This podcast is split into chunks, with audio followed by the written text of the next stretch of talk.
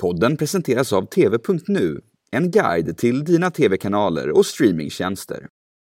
So, world leaders, powerful politicians, billionaires, celebrities, religious leaders, even drug dealers, all targeted for hiding their investments in mansions, exclusive beachfront homes, yachts, and other assets. That's according to a review of nearly 12 million files from around the world. It's the latest report by the International Consortium of Investigative Journalists involving 600 journalists, naming people like the former UK Prime Minister Tony Blair, Jordan's King Abdullah, Kenyan President Uhuru Kenyatta, and the German supermodel Claudia Schiffer. Pandora-läckan har satt ljuset på många högt uppsatta förmögna människors skatteplanering runt om i världen. Pandora-läckan, ja det är namnet på den härva som nystats upp. Det handlar om miljoner läckta dokument som visar hur några av världens mest välbärgade och inflytelserika personer på olika sätt använt sig av skatteparadis för att undkomma skatt och dölja sina tillgångar. Och någon som det blåser rejält om på grund av det här, det är Chiles president Sebastián Piñera. För ur Pandora-läckan så har presidentens affärer bakåt i tiden kommit upp till ytan. Det handlar om en kontroversiell försäljning av en gruva då Piñera satt sin första period som president. Och han ska då ha utnyttjat sin position för egen vinning och sålt den här gruvan till en vän. Pinera själv säger att han är oskyldig, men oppositionen vill att det blir riksrätt. Alltså att Pinera ställs inför en slags domstol som får pröva saken. Och mitt i allt det här så är det snart val i Chile, om ungefär en månad. Pinera ställer inte upp i det. Enligt reglerna så får man inte väljas om direkt. Men frågan är om hans högerparti kommer ta stryk av det här framåt eller inte. Ja, hur allvarlig är den här soppan presidenten hamnat i? Kommer han att kunna sitta kvar? Och hur ser reaktionerna i landet ut? Det här ska vi försöka bena ut i dagens Aftonbladet Daily. Jag heter Amanda Hemberg Lind. Vi ska prata med Cecilia Vakari idag. Hon är reporter och programledare här på Aftonbladet och har en bakgrund som Sydamerika-korrespondent för SVT. Cecilia Vakari får börja med att utveckla hur anklagelserna mot president Sebastián Piñera ser ut. Ja, men det det handlar om det är en gruvaffär som skedde i början av hans förra mandatperiod, 2010. Sju månader in, då ett gruvbolag som då enligt Pandora Paper tillhör hans söner såldes för 152 miljoner till en barndomskompis till Sebastian Piñera. Och vad är det som skulle vara fel i det här då? Ja, men dels så är det ju att försäljningen har skett via ett bolag som finns på brittiska Jungfruöarna. Så det handlar dels om att man då har begått skattebrott. Men det som är verkligen graverande och det som är utmärkande i det här fallet det är att det dessutom har funnits en klausul som handlar om att vid den tredje inbetalningen så ska Sebastian Piñera se till så att det här området där den här gruvan ligger inte blir naturskyddat och att det alltså undantas från de miljöskyddslagar som finns i det här området som beskrivs som ett av de mest värdefulla ekosystemen i världen. Så då handlar det om alltså en försäljning som inte har, har gått rätt till helt enkelt? Är det så man kan säga? Det är så man kan säga. Så det handlar ju om skattebrott och korruption då är de formella anklagelserna. Men det oppositionen menar också utöver det här är att just eftersom klimatfrågan är så pass viktig just nu i världen så har man dessutom fått Chile att se riktigt dåligt ut. Man har skämt ut Chile helt enkelt genom det här utöver de formella brotten. Och reaktioner då från chilenarna, finns det? Har det varit eh, protester eller hur, hur låter det? Men det har varit en hel del protester, delvis apropå den här gruvförsäljningen naturligtvis och det som framgått i Pandora Papers. Men det handlar också om att det snart är tvåårsdagen, eller rättare sagt idag när vi spelar in det här så är det tvåårsdagen för protesterna som var i Chile 2019. För två år sedan utbröt enorma demonstrationer på flera håll i Chile. Det var ett utbrett socialt missnöje bland chilenarna och bägaren rann över när biljettpriserna i kollektivtrafiken skulle höjas. Och det utvecklades till demonstrationer mot allt ifrån låga pensioner, höga priser och mot arbetslösheten. Och det här kan man säga har legat som ett öppet sår för många chilenare och det har förföljt president Piñera. Ja, det påverkar och det har påverkat hela tiden. Men man kan ju säga att Piñeras Pandora-ask, den rymmer betydligt mycket mer än papper. Vi har ju då de här protesterna. Sen så fick vi ju en pandemi på det som har slagit väldigt hårt mot Chile. Många affärer har slagit igen. Olika typer av företag har också gått i stöpet. Och arbetslösheten har stigit. Och på det så har man också en hög inflation. Och utöver allt det här, som också i och för sig går ihop med då den här riksrättsprocessen som oppositionen försöker driva, så har Sebastian Piñera också precis satt in militären mot urfolket i södra Chile, som har varit ett väldigt turbulent område för det finns då en markstrid som pågår mellan mapuches, ursprungsfolket, mot då framförallt skogsägare som har fått över de markerna som mapuchesarna hade rätt till från början. Apropå då riksrätten, för det är ju då så att Sebastian Pieniera eventuellt då kommer att ställas inför riksrätt, en slags eh, domstol helt enkelt. Men hur ställer sig Piñera själv till de här anklagelserna om att det inte har gått rätt till med de här gruvaffärerna? Ja, men dels så menar han att han inte hade någon insyn i de här bolagen för de tillhör ju alltså hans familj, hans, hans söners. Så att han hade ingen insyn i, i vad de hade för slags affärer. Sen så menar han också att de, hans egna bolag, de hade en revisionsbyrå hand om så att han hade ingen koll på dem heller menar han. Och sen så är det också så att delar av den här affären har redan utretts av riksåklagare 2017 och då kom man fram till att det inte fanns några oegentligheter. Men det man menar nu från oppositionen kommissionens håll det är att de delarna som har framkommit i Pandora Papers inte ingick i den utredningen. Och nu har också riksåklagare i Chile inlett en förundersökning för att utreda om det fanns något brottsligt i det här förfarandet som då gäller skattebrott och korruption.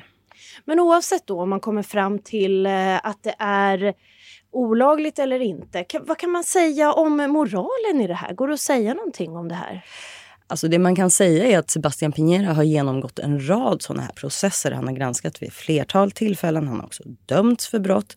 Så att man kan ju säga att rent moraliskt så finns det ju de, eh, hans anhängare kan man säga, som menar att det här är ju bara ett sätt för oppositionen att försöka störta Piñera och förstöra för högern.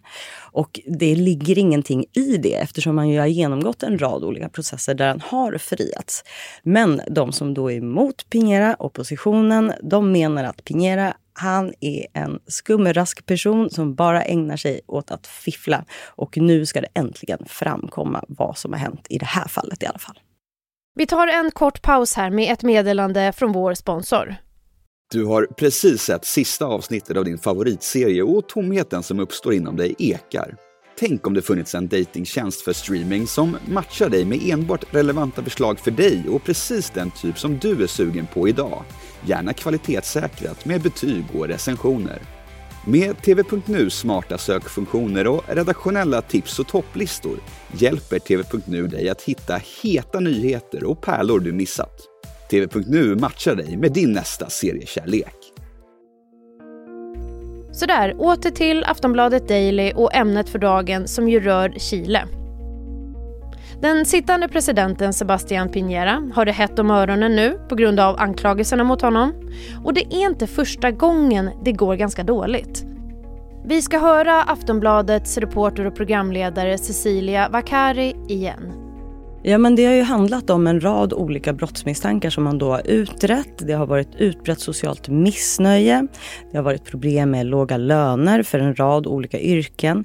Utbildningen i Chile är väldigt dyr. Man betalar den mestadels privat. Eller snarare sagt, om man kan så betalar man för privat utbildning för att få bra utbildning. Om man inte har råd för det, då är man utelämnad till den offentliga skolan. Och den håller väldigt låg nivå. Man kan säga att det påminner väldigt mycket om USA. Eh, så ja, det är väl ungefär läget kan man säga. Och snart är det ju val, 21 november. Det är inte så långt kvar. Valrörelsen har precis startat. Eh, Pinera kommer inte vara med, men det handlar ju om reglerna. Man får inte ställa upp två gånger. Då. Men den här skandalen kommer få ringa på vattnet och påverka valet, tänker jag. Försämra då, för han tillhör ju högern då. Kan det här vara väldigt jobbigt för högern nu under eh, valrörelsen, eller hur bedömer du det? Ja, men man kan väl säga så här att de redan frälsta, som redan eh, är anhängare av högern, de kommer nog inte att ändra så mycket på sina åsikter utan de tycker som sagt att det här handlar om en smutskastningskampanj och att man just driver igenom det här så pass snabbt precis innan valet. Det handlar ju om att man vill förstöra, det handlar bara om valfläsk helt enkelt. Så att de som röstar på högern, de kommer troligtvis fortsätta att göra det. Däremot så har det skett lite förändringar om vem man kommer rösta på. Men det handlar egentligen inte om det här utan det handlar om misstag som då den kandidaten som var favorittippad, eh, Sitchel, har gjort. Så att nu eh, handlar det snarare om det. Medan det faktiskt ser ut och har sett ut ganska länge som att vänstern kommer att ta hem det här valet. Gabriel Boric heter den favorittippade kandidaten och det handlar ju då om allt det här utbredda missnöjet som har varit under hela den här mandatperioden och att läget har blivit försämrat i och med corona, inflationen och nu också det här med ursprungsfolken. Kan du berätta lite om opinionsundersökningarna, vad de visar just nu? Ja, men de visar att det är Gabriel Boric som ser ut att vinna det här valet. Men eh, så som det funkar i Chile så blir det nästan alltid så att i det första valet så vaskar man fram vilka två kandidater som det egentligen kommer stå mellan. Ungefär som det ser ut i USA. Och sen så får man se då vilka två kandidater som kommer ställas mot varandra. För man kan ju säga att i det första valet, jag pratade med en högeranhängare igår faktiskt, en eh, regionpolitiker. Och han sa att i det första valet då röstar man ju på sin politiker, den man faktiskt faktiskt eh, är anhängare av. Men i det andra valet, då röstar man ju på den koalition som man vill ska vinna. Alltså höger eller vänster. Och det är ju då det ser ut som att det blir Gabriel Boric för vänstern som kommer ta hem det här valet. Men nu framåt då? Det kan ju bli riksrätt. Men eh, när, när vet vi det? Det kommer troligtvis bli en riksrätt. För så som det ser ut så kommer det, det lägre huset, alltså deputerandekammaren, kommer troligtvis att rösta den 29 oktober. Det är lite formaliteter som ska gås igenom och så. Och sen så vet man inte exakt datum för när själva riksrätten kommer äga rum i senaten. Men det man försöker få det till är ju att det ska bli innan valet den 21 november. Men det återstår att se om det blir så. Däremot så är det väldigt svårt att förutse ett resultat brott. Eller snarare så är det så här att för att Sebastian Piñera ska fällas i riksrätten så krävs det att fem politiker ur hans koalition ska rösta emot honom. Och det är ju väldigt svårt att få till. Men det finns en del som menar att det finns eh, politiker på, från hans eget skrå som eh, tycker att han faktiskt har gått för långt den här gången. Men jag tänker också på det här med när det var protester 2019, då så tvingades ju Sebastian Piñera ändå gå ut och, och, och prata med människor och, och, ändra olika saker. Han eh, avsatte sina ministrar och sådär. Det hände ändå saker på grund av protesterna. Kan det bli sådana saker som händer nu också, att han tvingas göra lite, lite större åtgärder nu på grund av att det blir ett tryck då från eh, människor till exempel? Ja, men den sociala oron är ju väldigt utbredd och i och med att 18 oktober, den här tvåårsdagen för protesterna 2019, är nu måndag så kommer det troligtvis leda till att det blir omfattande protester som bemöts än en gång med våld.